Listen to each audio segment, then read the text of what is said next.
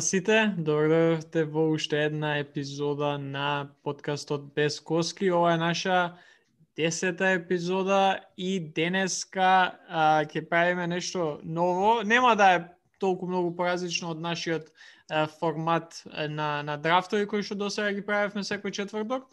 Туку со Филип и Мартин одлучивме да исправаме а, и да направиме редрафт на еден од драфтовите кои што се случија во а, предходните неколку години, нема да за почеток сакаме да испробаме овој некој наш нов формат, затоа и сами сега идеме, немаме гости, ама во иднина може и ке ќе продолжиме да мешаме со драфтовите, да направиме некој редрафт на секој еден, два, три драфта.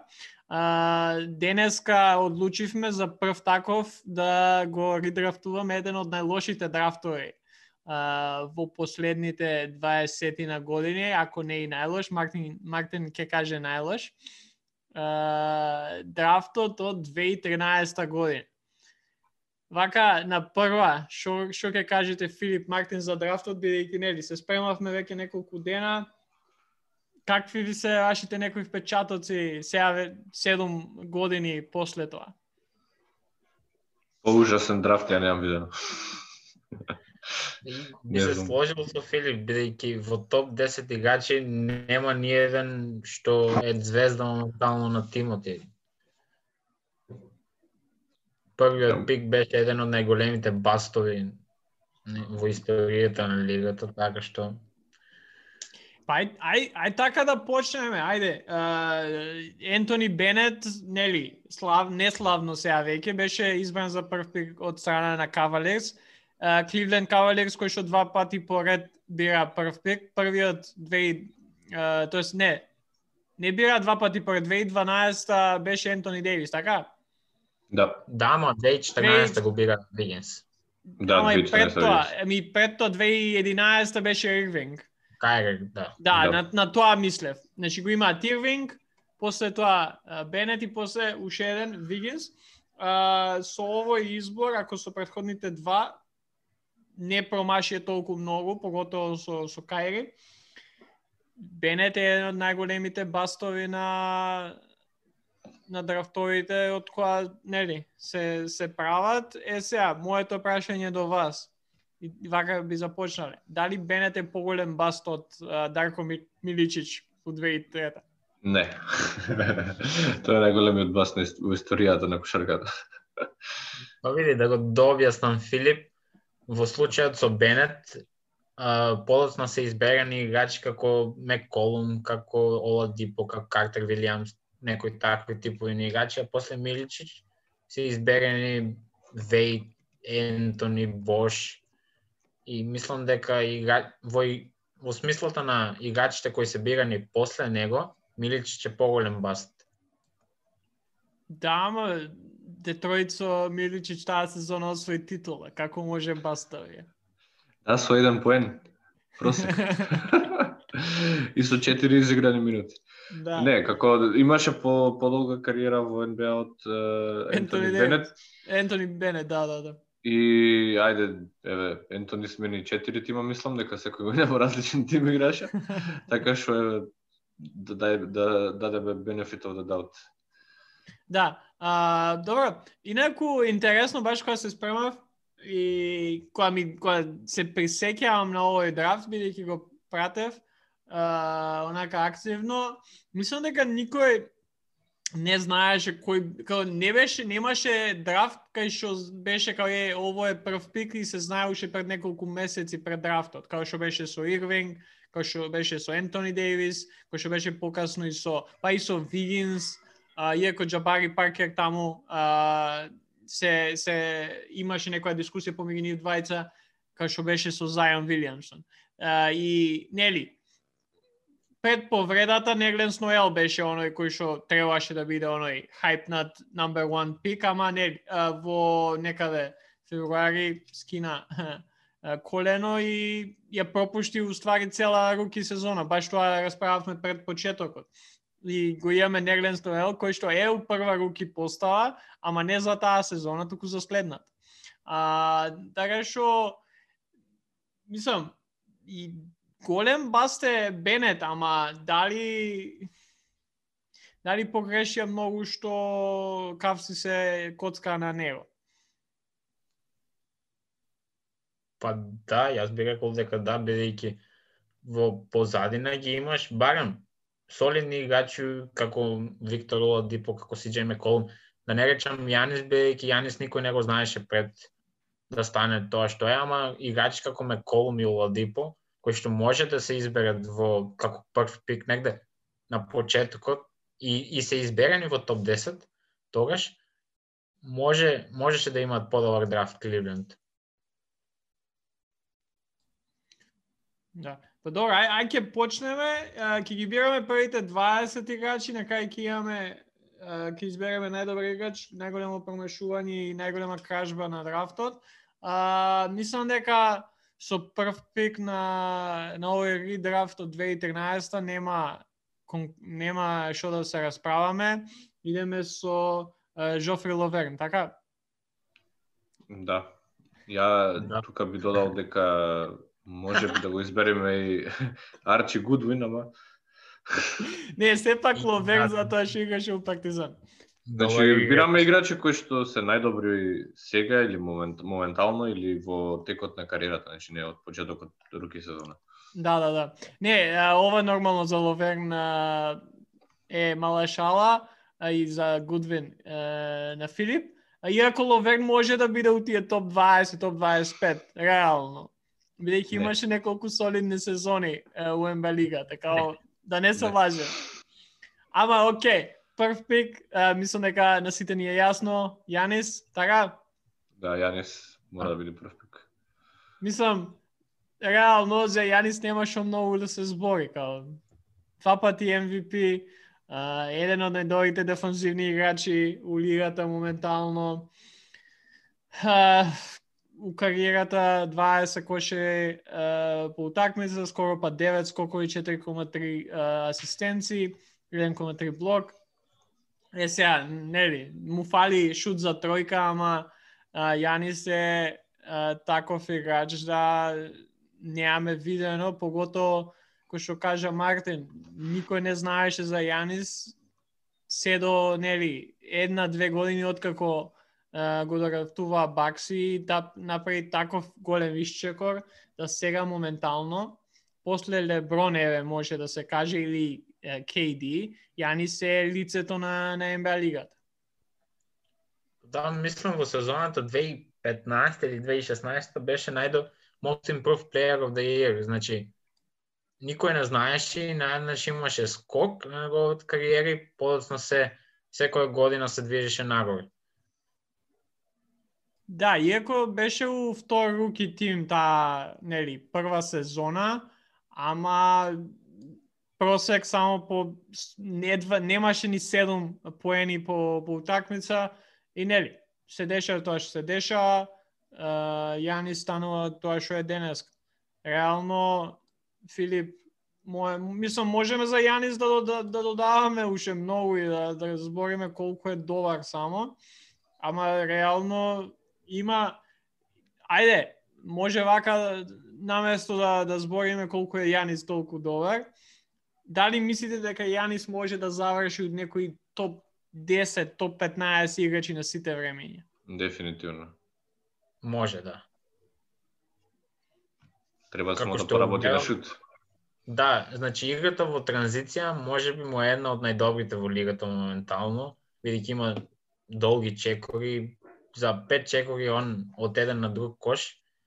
И ако го оставиш на open court во транзиција, секако ќе примиш поени од него или фаул или или кош а, положување, а на на стациониран напад му фали шутот, мора да го подобри за да ако сака да биде во, како што каже Георги, во топ 10-15 играчи на сите времиња мора тоа да се поправи. Инаку јас сметам дека Јанис е и најдобриот дефанзивец во лигата, значи го има и тоа да биде еден од најдобрите офанзивни и е еден од најдобрите дефанзивни играчи моментално во лигата. Да, дефинитивно да. и а, ќе биде интересно доколку нели го збориме тој негов шут за тројка доколку го додаде и тој него у неговиот арсенал не може никој да запре. Е, реално тако за не за џаве Грик Фрик. Така. А, е сега, кој ќе биде вториот пик? Мислам тука тука ќе биде најголема дебата која што ќе имам. Пошто ја имам двајца играчи кои што ги ставив као втори, трет, иако Иначе да да спомнеме, Јанис беше 15, така што плюс 15. Uh, ја имам двајца пикови овде. CJ, uh, Меколум и Руди Гобер. Mm. Јас... Јас искрено би одел со, со CJ. Јас би одел со Гобер.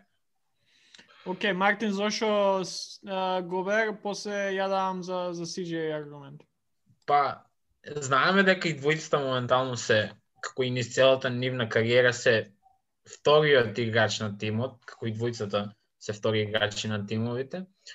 Но Сиджей Меколум, за разлика од Руди Гоберт, нема никакво постигнување направено. А Гоберт има освоено Defensive Player of the Year, има одено на All-Star, има е биран all time, uh, во трет тим, а CJ McCollum нема ништо од тоа.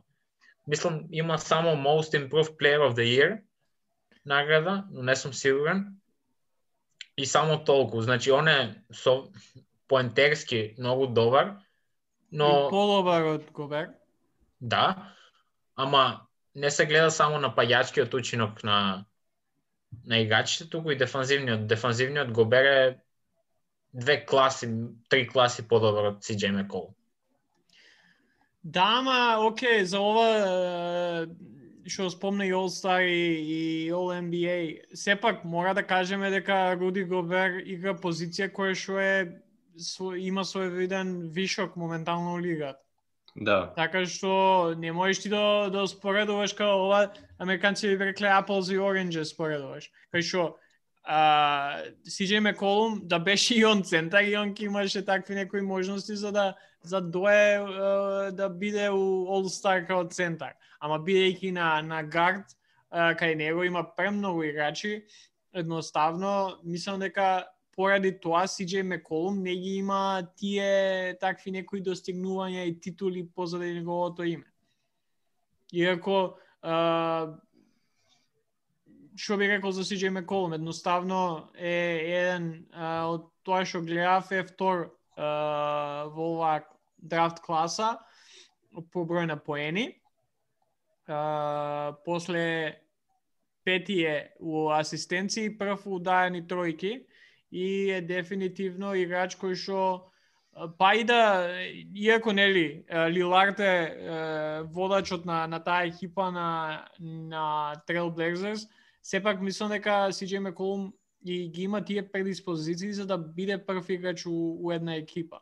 И а, доколку еве Орландо Меджик као втори го избрале на тој драфт, или пак, еве, и трет да оставиме, Wizards, мислам дека CJ McCollum би, би е добил таа шанса, а, до душа Wizards никогаш не би го земале, бидејќи ги има Джон Вол и Бредли Бил, така што тука некаде отпаѓа тој трет пик. Ако гледаме онака драфт, ке и бираме најдобрите играчи, нема да идеме а, понашо им требаат на тимовите, ама чисто онака од, од, од тогашна ретроспектива, Wizards не им треба играч ко, uh, као Мекол. Така што не знам. Uh, како како да направиме се? Идеме демократски 2 на 1 или Па кажете ми уште некој аргумент за Мекол. Ако одиме како добро се малце можева од моја страна да е како лично, да речем гледано, ги одел со Меколом, а инаку за постигнување, да, Руди Гоберт има повеќе постигнување. Така што не Ама, као, не знам, може, као, а, било кој да ставиме, ќе добиеме коментари тоа што рече дека као и двајцата да, ја имам... може да бидат втори. Ја го имам на трето место Гоберт, така што И јас сум за CJ Меколом, така што 2 на 1 победуваме, CJ е втор. Ја треба да да расправаме кој ќе биде трет? Не.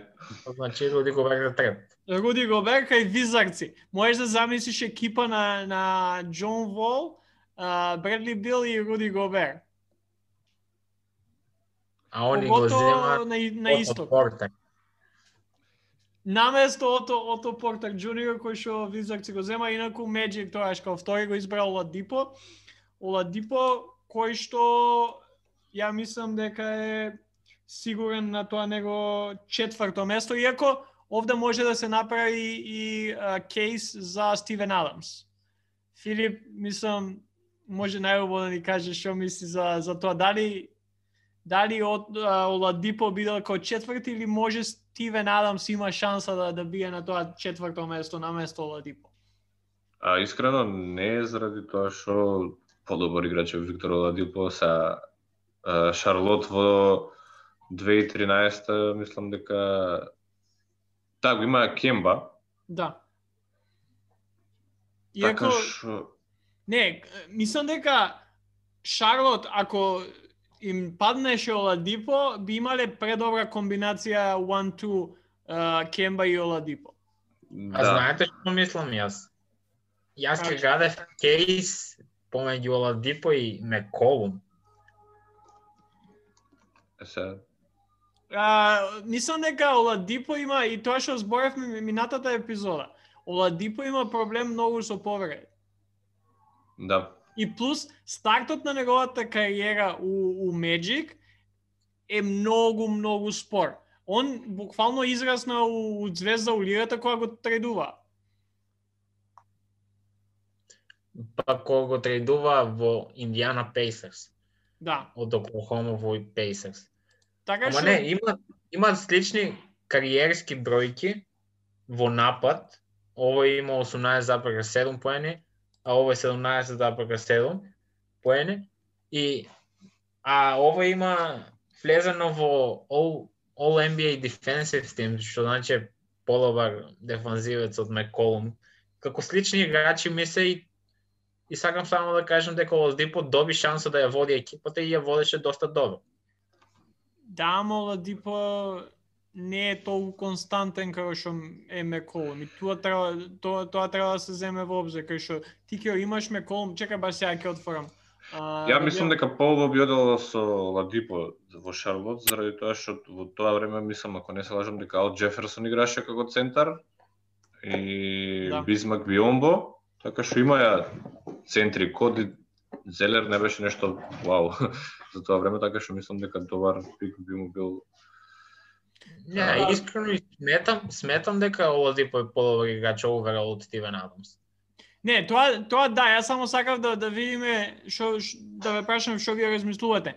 А, ова Мартин ти што спомна кога збориме за CJ McCollum и Оладипо, едноставно проблемот со Оладипо ми се пропуштените утакмици кај што од нели тој не нивен драфт од 2013 едниот има изиграно 430 утакмици, другиот им има изиграно цела сезона поеќе, 494 скоро. Така што... А, иначе, Оладипо има одено на All-Star, а иста позиција се. Ама, земи го обзир, едниот е у истокот, другиот е у западот. Као CJ McCollum нема среќа. Едноставно. Игра на позиција која што има премногу солидни играчи, игра на западот поготово. Кај, кај, кај сакаш на Олстар да иде? Ама добро. И, а, чисто за оние што не следат. Јанис, Сиджеј, Гоберт, Оладипо.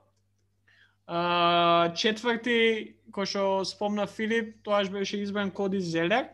А, трети а, беше а, трети Визарци нели го а, го избра чека се да не промашам. А, Визарци го избра Ото Портер Джуниор. Е сега идеме пета. Ја имам двајца играчи помеѓу кои се мислев. Иако мислам дека знам кој би одел кој има предност кај мене, ама Стивен Адамс или Гото Портер Джуниор. Јас би одел со Стивен Адамс. Филип, поддржи ме. Феникс. Феникс, да. Феникс го избра Алекс Лен. Алекс Лен дали да направам еден bold statement Ајде.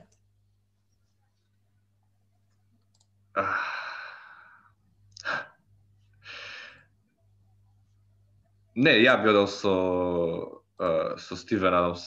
Искрено се мислев за овој пик и да би одел да, со, со, со Стивен Адамс. Бидејќи еве овој следниот играч го планираме еве за Сакраменто. Mm -hmm.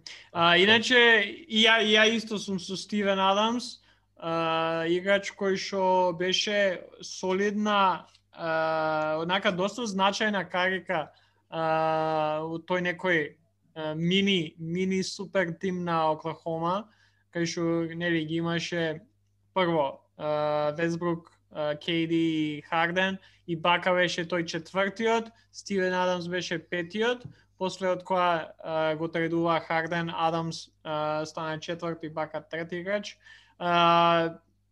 Мислам дека... Каков Харден говориш? Како? Каков Харден говориш? Оклахома. Па да, ма Харден мислам баш таа година си ојде. Па не, не, не, па ти викам, ќе ќе беше пети, ама со трейдот на Харден тој стана тој четврти играч и доста значајна карика на на тимот. Тоа ми беше, тоа ми беше поентата, тоа сакам да кажа. И а, кај него ако гледаме статистички, секоја година Стивен Адамс напредува се поеќе и поеќе. Од три поени по утакмица као руки, во 2017-2018 имаше 13,9. Исто имаше 2018-2019, малце назадува следната година, и, и некаде сега почнува да да биде оној играч кој што не постигнува доволно а, многу поени, ама ќе ти биде добар рим протектор, а, оно big body on the glass, а, добар пасер е и, и ќе секојаш е добар у играта на на на pick and roll, што е за секој тим солиден а, вако, солидно солидна рола може да изигра. Да, и, и многу добар тимски играч. Да. Одиме со следниот. Шести? От, ја мислам дека нема овде што да се збори Ото Портер. Ото Портер Джуниор, така? Не. Денис Чрудер. Да, да, јасно за. Сега, знаеш, можам да направам дека тогаш Аизеја Томас играше во Сакраменто и двајца гарца, ама секако Шродер би доаѓал. Да, подобро играч од Ото. Да, заради тоа што и во Атланта доаѓаш од клуба. Зад мислам дека за Джефтик? Да, за Джеф, за Джефтик. Така што мислам дека како последните сезони од во Атланта беше стартер, така што мислам дека во Сакраменто би имал истата улога и би имал некоја компетитивност еве за таа позиција на гард во Сакраменто, така што јас би во Сакраменто. Не знам, јас, јас сепак мислам дека Ото, Ото Портер Джуниор е не е подобар играч. Дефинитивно. Како првата сезона на Шудер е многу лоша, има 3,7 поени само по утакмица, но после секоја наредна му е над 10 поени. Uh, и како има освоено Six Man of the Year Award лани и е да, име што го сакаш да ти влегува од клуб. Да, и како има на Ептен Ептен има удел како во играва и мислам дека неколку пати имаше таков кейс за да бидеш Six Man of the Year. Да, и, и лани, лани во плейофот со Хјустон, против Хјустон, со Оклахома, беше најдобриот играч на Оклахома. Мислам, најдобар поентерски учинок имаше од цела Оклахома. А влеваше од клупа. Мислам, ја мислам дека Океј, да не, се согласувам као Шрудер е дефинитивно топ играч од оваа класа и еден од подобрите. Иако Ото Портер Джуниор сепак израсна у, у добар, солидно, добро солидно крило кое што е reliable у напад и, и може да игра добра одбрана as well. А, затоа ја нели би го земал пред, ама Добро, може, ајде, идеме со Шрудер. Со, со Германија. Првиот, а, првиот европеец, а иначе а, тогаш, и сега кај нас, а, Стивен Адамс е првиот играч од Нов Зеланд кој што воопшто во историјата на, на НБА лигата беше избран у прва рунда. Седми. Седми, па Јас Пошо... мислам Не е осми? Не. седми. А, Јанис, седми, да. Обер, Оладипо, Адамс, Шрудер. Сега седми, Да, да, да. седми може да се иде... Вака направивме збрка малку заради тоа што шести беше во Нью Орлеанс Пеликанс, а седми во Сакраменто ја направи збрка. Да. А, Нью Орлеанс, Пеликанс тогаш го тредува, ако се сеќавате, во, во Сиксерси.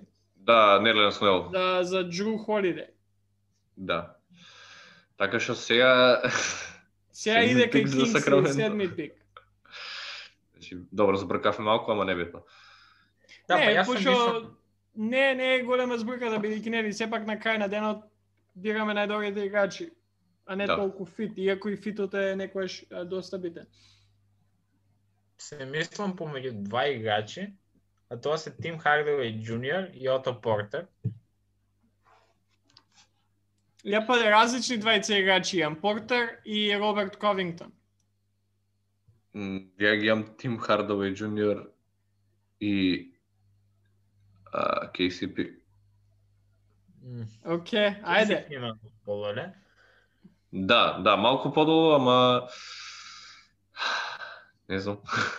Ја мислам дека со а, след Ото Портер Джуниор сепак заслужува да биде а, као седми, као освен првата и втора сезона у лигата прераснува у кој што кажав, респектабилно крило кое што на вистина а, е солиден додаток на на било која екипа кај што играше, а, нели, прво у Wizards и сега у, у Чикаго, а, дава у просек по 12, 13, 14 утакми, а, поени на утакмица, игра солидна одбрана и е, и е сосема добар избор за седми за седми пик у у нашиот овој некој драфт. Мислам, веќе почнува сите да се ролплеери. Да, да, тоа да. И Ото Као Портер е ролплеер. И јас мислам дека Тим Хардавеј имаше подобри први сезони отколку Ото Портер. Да, ама Тим Хардаве е тој типичен играч кој што беше многу добар играч у лоша екипа. После Да, тоа па некаде се Пор- стабилизира у окей, окей рол плеер. Ама и, и сега Тим Хардавеј е окей ролплеер. Ко во Mavericks има има вечери дека што може да ти даде 20 поени да му флева Ама е окей, бе, ај добро, тоа е разликата може да се каже помеѓу Портер и Хардаве. Еве ова сезони Хардавеј има 18,7 поени по утакмица. Значи игра 31 минута. За разлика од Портер има 6 поени повеќе по утакмица. Добро, иако Може би- Портер игра помалце. Може би не е толку добар дефанзивец како Портер, но мислам јас по моје дека Тим Хардавеј е подобар играч. Филип, ти, што ќе кажеш? Исто Тим Хардовеј. Заради тоа што еве се и во Йорк беше добар играч. И да, сега посебно во Далас, како кога дури беше повреден Порзингис, беше како втората опција во напад и, и во Йорк стана прва опција 2018-2019 да речеме. Добро. Е, после во Аталанта беше солиден, така што искрено да бил Тим Хардовеј. Па ето реш. Мислам идеме- дека единствена причина што Ото Портер имаше толкава улога, да речеме, бидејќи во а, Вашингтон беше како немаше некој small forward што би го заменил. Мгм, мгм. Добро, ајде, идеме, идеме тоа со, со Хардаве Джуниор. А, на осмото ја ги гледам пак Значи, Ото Портер останува, Ковингтон е тука, Пламли може сега веќе да обираме, KCP е тука. Рано му е на Пламли. Јас би го бирал моментално како осмо Ото Портер. Да, ја бе. Да. Конечно ми го биравте играчот, значи од преска за него збора. Е, двајца, ај, ај, двајца джуниори, идеме еден по друг, 7 и 8. А, девето. Еј, у Детройт Пистон секој е добар фит, така што Да, Да, добро, немаше некој добар форвард, смол форвард, там- таман би бил. Сега иде мине, пикот на Минесота што го тредуваше у Джез, а, девети, кој што на крај нели се испостави да биде а, Трей Бърк, кој што не верувам дека ќе влезе у првите 20. А, иако имаше добра руки сезона, сепак повреди го мачат. А, сега беше дел од а, е дел. кај кај игра да. Трей Бърк моментално? Далас, Далас. Далас, да, окей, да, о, добро. А, идеме девети. Девети Ковингтон. Да, ја би се согласил со Ковингтон. Да, мислам дека Ковингтон е еден од подобрите оние недрафтувани играчи во последните 10 години кои што сепак успеале да направат тиме у лигата. Има сосема нели солидна статистика у кариерата два- 12,7 поени, 5,7 скокови, една и пол асистенција и една ком- еден- 1,7 украдени топки. Као, на вистина добар дефанзивец. Да. многу многу добар дефанзивец. После па после може да се каже Јанис, Гобер и Оладипо е најдобар дефанзивец на драфтот. Па, Јас би се сложил. Да. И у напад, и у напад знаеш што можеш да очекуваш од него, као ќе испорача и тој. Тоа, ова, ова лесно. А, десети, пикот на, на Trailblazers кој што беше CJ McCollum. Kentavious Coldwell Pope. Дали кидаме со KCP? Па јас јас сум за него. Филип Ушепреска го спомна. Единствен Да. шампион од драфтот е. А чекај, а што правиме со Майкл Картер Вилиамс? Па тука негде ќе биде и он. Добро, ајде, ај ќе идеме прво KCP кој што а, пред Лейкерси, Кентавиос а, Колдвел Беше во Детройт. Беше у Детройт, да. У Да. Детройт четири Лоша сезони. имаше прва сезона, како што памтам, но дека понатаму имаше подобри сезони. Не, као нешто слично на претходниве двајца играчи а, кои ги избравме реално. А, Па да, првата и- сезона му е 5,9 поени, а после има скок од 7 поени, има 12,7 и се се е над 10, освен во по- оваа сезона со Lakers. Има да. 9,3. Така што, окей, идеме KCP, 10 ја затворивме првата првите 10 стварно добар. Окей, шутер е KCP, може да погоди тројки. И Uh, чекај да видам кај мене кој не сум забележал, за да не се збунам после која ќе бираме. Ковингтон. Uh, добро. Е сега, ни остануваат играчи uh, кои што и Мартин ти спомна и веќе почнавме да бираме ролплеери.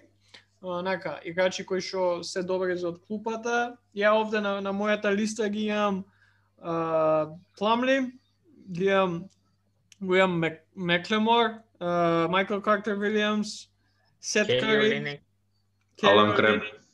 Робертсон, он креп. Зелер, Алан Креп.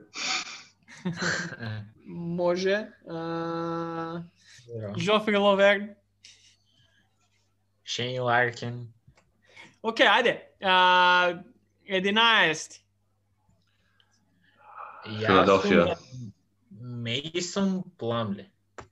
Јас сум за Нерлен Снойл. Е, да, и Ноел, Ноел останува. Кој што Ноел, Сум за Мейсон Пламли. Еде, слични статистики има со тоа што мислам дека... Ама пак Дај, Пламли, Слични играчи се како Да, добри дефанзивци, у дефенс е по појака страна им е дефенс, може да дадат кошеви у напад, ама тоа е, до 10 поени макс. ама не, ако бираме помеѓу Ноел и Пламли, ја секојаш би го избрал Пламли, реално. Да, и, и како што спомнавте за Оладипо и Сиджей а, Буквално исто според. компарацијата, компарација, Нелиус Ноел е многу по, по, повеќе подложен на повреди отколку што е Мейсон Пламли. Значи едниот има едниот има изиграно 544 утакмици, другиот има изиграно 373 утакмици. Да има 150 помалку Нелиус. Така што идеме Пламли, да, да, кој може. би завршил у Сиксерси. Според нас, uh, Mason Plumlee is off the board. Па на место на Нелиус на All Sixers. а, да, само што Ноел беше кој шести. Следниот пик беше пикот на Далас, кој што Далас го тредуваше у Бостон. А, Не од Оклахома? Не од Оклахома е... не, не, не, ово е сега на Далас у Бостон 13.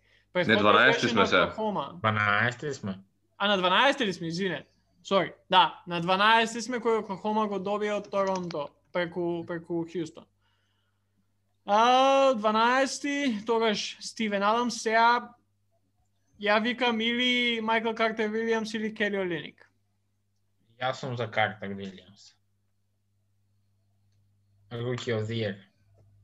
Да. И кој што Майкл Картер Вилиамс има оживување на кариерата сега у Magic.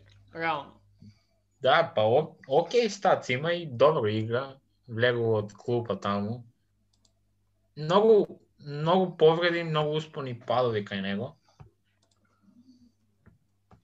Да. А мислам А, дека е нешто нешто тип играч на Шейн Ливингстон. Добра компарација ти, иако мислам дека а, може да се каже дека и, и двајцата го има тој хајп уште на почетокот, после со Ма не, и двајцата беа играчи заслужено хајпнати, после се повредија и двајцата и после се вратија и се на некој warmer role player разина. Да, да, да, да, да, тука си управо. Сега ми текна на еден играч кој што може да спомнеме, поготово сега кога разговараме и го ставаме против Олиник може. А, Бен Меклемор. Не, Олиник. Готиве? Мајами хит. Филип? Искрено, до Линик да, ама пред, пред Меклемор би го избрал Ноел, искрено. Океј, добро, Јас сум значи, ова ми е overreach. Значи, јас сум за Олиник како 13, нели? 13 сме наред. 13 Олинек, Да. А потоа Ноел и кој идеше Меклемор. Колко е лош та дрефтов. Океј, ајде идеме со Ноел и Бен Меклемор. И сега од ова што го гледам, а, кај мене играчи кои што ги имам запишано остануваат Коди Зелек, Алекс Лен, Трей Бърк, Нел. Снел, Андре Робертсон, Соломон Хил, го имам ставено као можен играч, Соломон Хил. Сет Кари и Метју Делаведова. Јас мислам Сет Кари мора да оди тука. Абе, Ален Креб, како го изостават? Креп, окей, да, Креп го забравам. Добро, ама како 16 пик, јас мислам Сет Кари. Кари.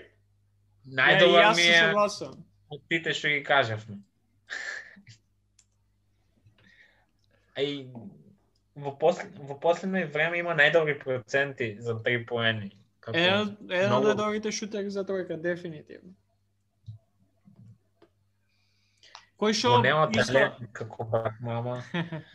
кој што исто така шутер. беше недрафтован као Ковингтон. Сега сме на 17. Уф. Со кој ќе оди? Па вака може може да идеме уште еден недрафтуван играч, играч кој што за малце не освои титула, Матију Делаведова. Не. Премногу? Коди Зилер, Коди Зилер на мене ми е подобар играч од Метију. Fair point. Коди Зилер е нонстоп во Шарлот и ништо не на ништо не направи. Ама има окей статистика за рол играч, 8,6 поени по утакмица и 6 скок по утакмица. Да. Единствено notable номини е All Rookie Second Team. Да. Епа ајде, ајде тоа ќе идеме код изера.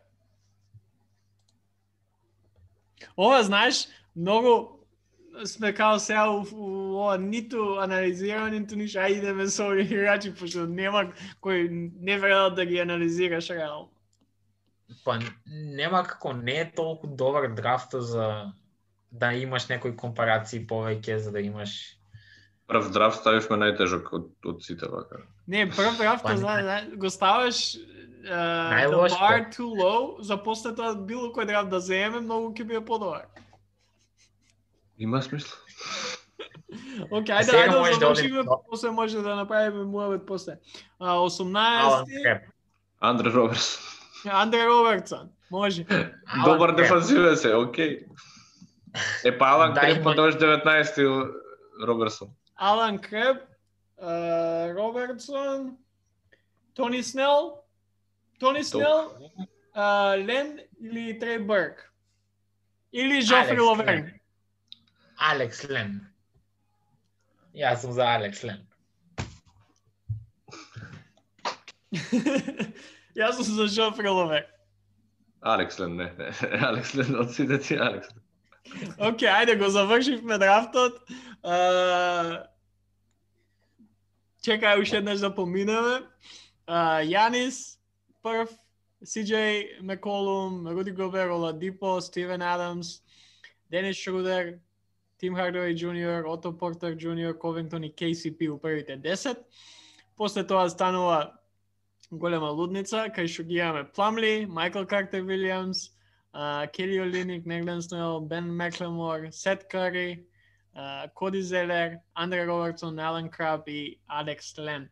А, играчи кои што ги, а, из, тоест, ги, не ги из, избравме се Соломон Хил, Матију Делаведова, Жофри Ловерн, а, Трей Бърк, а, играчи а, како Ентони Бенет, а, Шабаз Мухамед не го земавме, а, Шейн Ларкин, Тони Снел, Джорджи Диенг, м, А, ќе ме оставите да ви ги прочитам последните 20 играчи на, на драфтот? Чекај, ај, ја ќе идам, ај ќе ти ги оставам, ја да ги прочитам оние што може ги знаат, тие што не слушаат. Булок можеше, а, Алекса Бринјес можеше. за тие што гледаат Евролига, Бринјес, Немања Недович беше 30 у прва рунда. А, другите Нейт Волтерс играше од Звезда. И Мартин, ај тебе ти ги оставам последните. Мајк Мускала можеше да из, да земе, ама и Раул Нето. Раул Нето, кој што дали игра уште у Јута Джес или? Појма нема. Не, сега е у Вашингтон. Океј, добро, го, го знам од Јута, ама ништо посебно.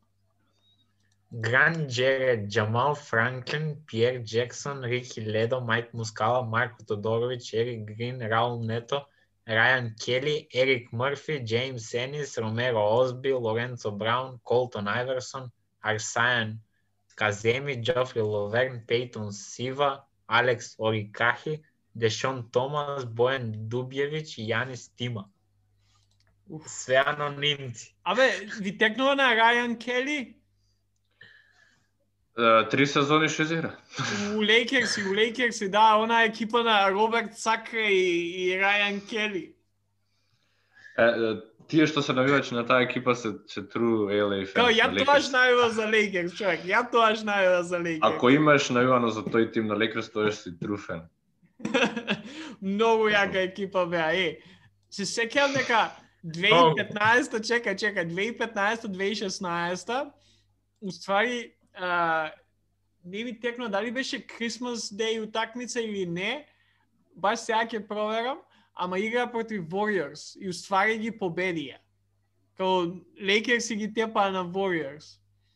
Кларксон, Ник Јанг, Дианджело Расел, Джулиус Рендол, Роберт Сакре, кој што ми е еден од најлудите играчи ever, Рајан Кели секако. Коби малце играше и он тоаш кога не беше повреден. Uh, ама да, да, Рајан Кели сега му го видов името, ми текна. Многу лош драфт, сена се. Не, да. сена се прелош драфт. Ама рековме тоа од почетокот. Иако Мартин ти кажа преска, uh, единствен кој што има освоено титула е кој? Кейси. Davis, Coldwell, Pope. Тоа ми е многу јако. Единствен кој што има освоена титула. Ајде некој прогноза, кој ќе освои после него? Ух, добро прашање. KCP? Денис Шрудер? Да. Заради тоа што во Лекерс. А Јанис, човек Јанис има добар шанс. Па Денис Шрудер има подобар. И ја мислам исто. Ау, како играат Лейкерс ова сезона, мислам... Да, Еј, вечер... нив, нив највеќе ги запоставивме, е. Вечер е да ни пол кошарката. Ама сега, оке, ова го снимаме иначе у понеделник, значи денес Да, да, да, за понеделник. Денеска има премногу утакмици исто. Да, MLK де. ML да. Мартин Лутер Кинг де. Е, да, го најдов, чекај, ја најдов утакмицата. Значи, на 6 март 2016 година Golden State Warriors изгубиле од од Лейкерси. Ај погодете кој има дајано највеќе кошери за таа екипа на Лейкерс. Рајан Кел. Не, не, не, не. Се уште игра у лигата, ајде, хинт ке ви дам. Кларксон. Кларксон го погоди Филип 25.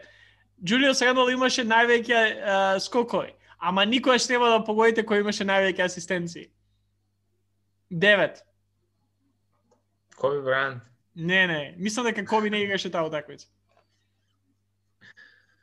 Никогаш нема да погодите.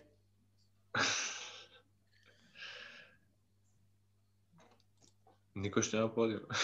Да. Единствена, ај, хинт, единствена екипа му беше Лейкерс и у НБА лигата. Од тоаш нема игра на НБА. Ни па пред тоа нема игра на НБА. Кел? Не, не, не, не. Не, не е американец. Сакр. Не е американец.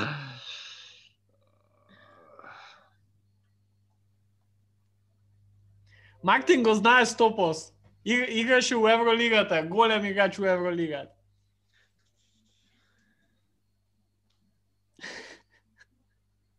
Марсело Уертас? Тоа бе, Марселиньо Уертас. Девет асистенци. Behind, behind, behind the big shoot што му беше што беше на Шекти на фул. да, да, да. Ја ја инаку таа сезона уствари ги гледав уживо Лейкерси и на загревање го имаш Марселиньо Уертас кој што си шутира слободи, ама епте низок и до него Двайт Хауард пошто игра против Рокетс и таа утакмица или Двайт Хауард или Джулиус Рендол кај што се превисоки. Многу ми беше смешно. Ама се сеќавам дека Марселинио Уертас беше прв кој што излезе да да шутира, онака шута раун пред утакмица. Така што еве малце Марселино Уертас ток на на Бескоски. Ќе направиме за кражба о... Ајде, ајде, ајде да завршиме драфтот. Uh, најдобар играч мислам дека сите ќе се согласиме. Uh, Јанис. Јанис. Јанис, uh, најголемо промашување. Ентони Бенет. Како промашување во смисла баст или па погрешен пик Пошто ако е погрешен пик или да, им грешка, да грешка Ентони Бенет да е прв пик, Јанис, окей, никој не го знаеше, ајде 15 да е. Не, Ентони Бенет да е прв пик. Да, Ентони Да, да, Ентони Бенет. тука се знае се. Најголема кражба. Руди Гобер или Јанис? Тука може да направиш дискусија да отвориме заради тоа што од според сегашни мислам пак топ 3 топ 3 место му, му, му е на на, на двајцата се. Искрено Да, јас искрен... мислам дека повеќе Јанис ми е кажба на драфтот колку Имено. Имено него. Да, иако Знам дека Оди, кажи. кажи. Не, кажи, кажи.